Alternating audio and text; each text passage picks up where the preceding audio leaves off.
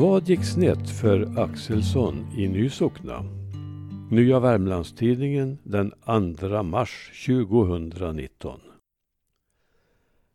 I gamla skrifter finner man ofta generaliserande uppgifter om utseende, språk och karaktärsdrag hos olika bygders befolkning. Detta gäller inte minst folket i norra Värmland och de beskrivningar de har fått av besökare från andra trakter, främst från andra halvan av 1800-talet och en bit in på 1900-talet. Dalbyborna har i regel fått goda omdömen.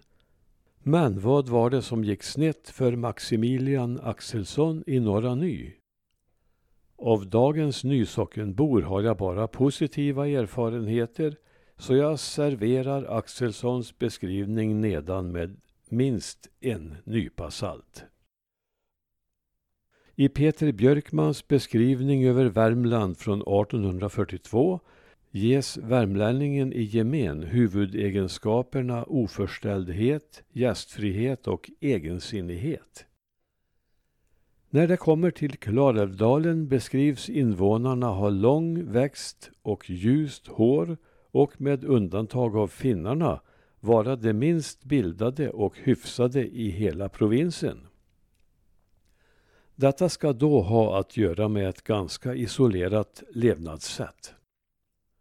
Folket i södra delen av Älvdalen däremot, i Sunnemo och Råda, beskrivs vara mer hyfsat tack vare mer samröre med grannsocknarna. Finnarna pådyvlas mer negativa egenskaper. Kortväxt, brun, nedrökt, skrynklig hy, blå ögon, rakt stripigt hår, brett ansikte, smala ögon, samt dessutom kända för maklighet och overksamhet i levernet råhet och ohyfsning i sederna. Sommaren 1845 reste Ludvig Borgström i norra Värmland och resan resulterade i boken Berättelse över en resa i Värmland sommaren 1845. Han lämnade följande beskrivning Folket i denna dalbygd, merendels av en reslig växt med ljusblå ögon och ljust hår, utmärker sig genom en viss inbunden dysterhet och tröghet. Innebyggarna i översta Älvdalen har sedan äldre tider tillbaka gjort sig kända så som det bästa och mest ofördärvade folket i Älvdalen. Ännu behålla de allmänt sin egna dräkt. En något senare resenär var Maximilian Axelsson som 1852 vandrade genom Älvdalen och Finnskogen. På vägen norrut från Femtan mötte han många Dalbybor iklädda dräkter citat, lika egendomliga som Nysockenfolkets. Dalbyfolket är ett ståtligt folk, vackra kvinnor, resliga handfasta män det senare genom både dräkt och hållning av ett militäriskt utseende.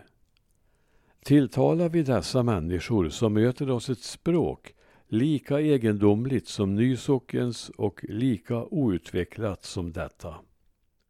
Dalbybonden sägs vara stolt, envis, fyndig, frisinnad, uthållig att bära tunga bördor lång väg, men ändå en trög arbetare.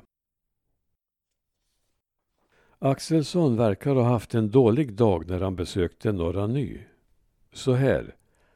Nysockningarna, de må ligga i skåpsängen eller stå fullklädda framför oss, äro i de flesta hänseenden ett högst kuriöst släkte, påstår Axelsson och fortsätter med en beskrivning av klädedräkten. Och när det gäller matvanorna är det huvudsakligen vattvälling och nävgröt som gäller. Mer Axelsson. Vilja vi nu slutligen ta i betraktande nysocknarens bildningsgrad och karaktär så finna vi ingendera vara särdeles att lovorda.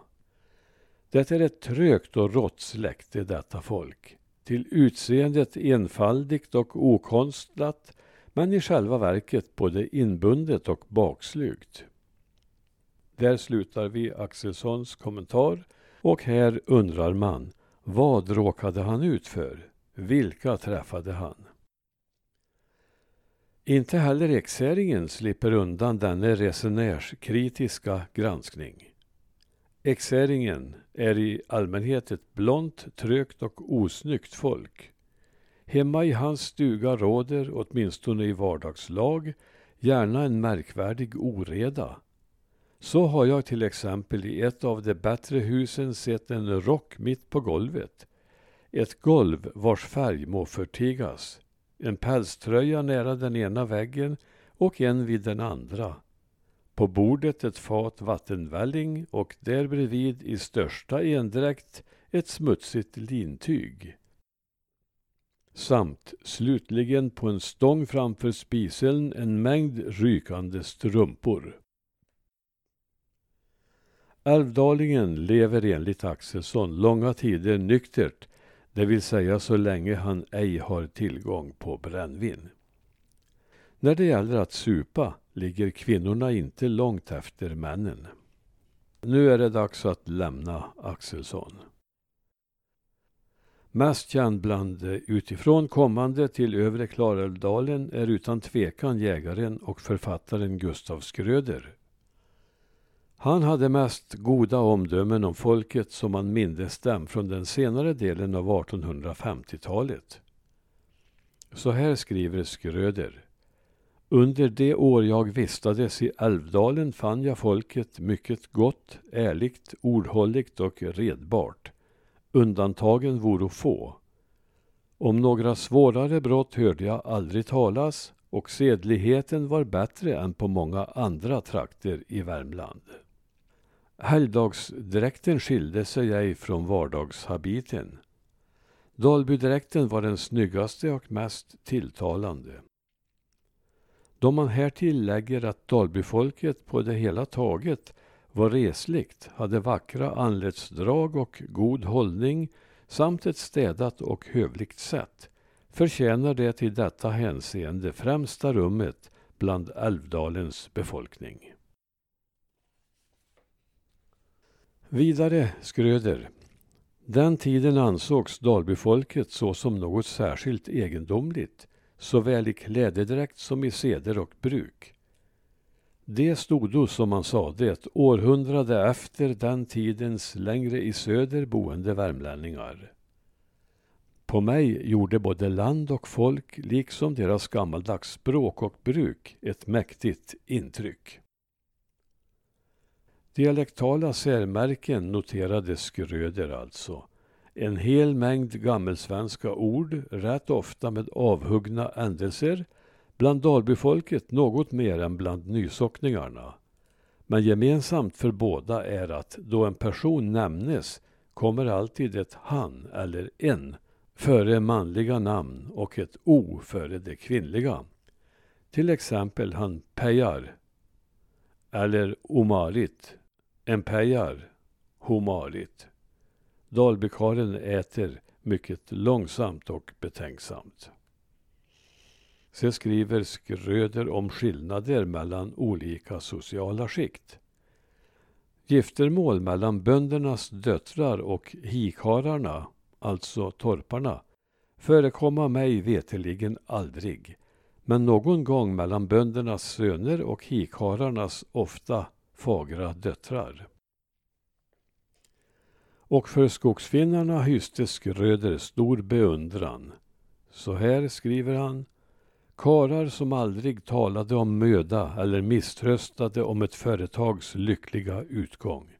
Aldrig knotade över motigheter och icke syntes hava andra behov än som stunden kunde tillfredsställa och som genast visste övervinna de svårigheter som livet i skogen uppställer i så många former.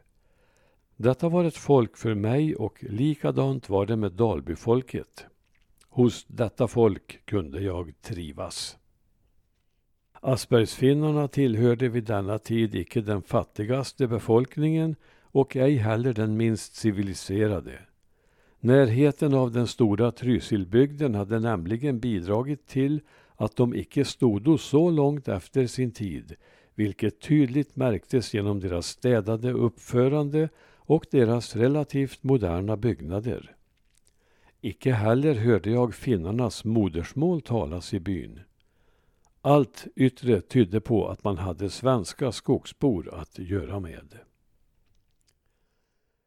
Vi lämnar Skröder och går över till löjtnant Wilhelm Edgren som även han var bosatt i Vingäng under andra hälften av 1800-talet.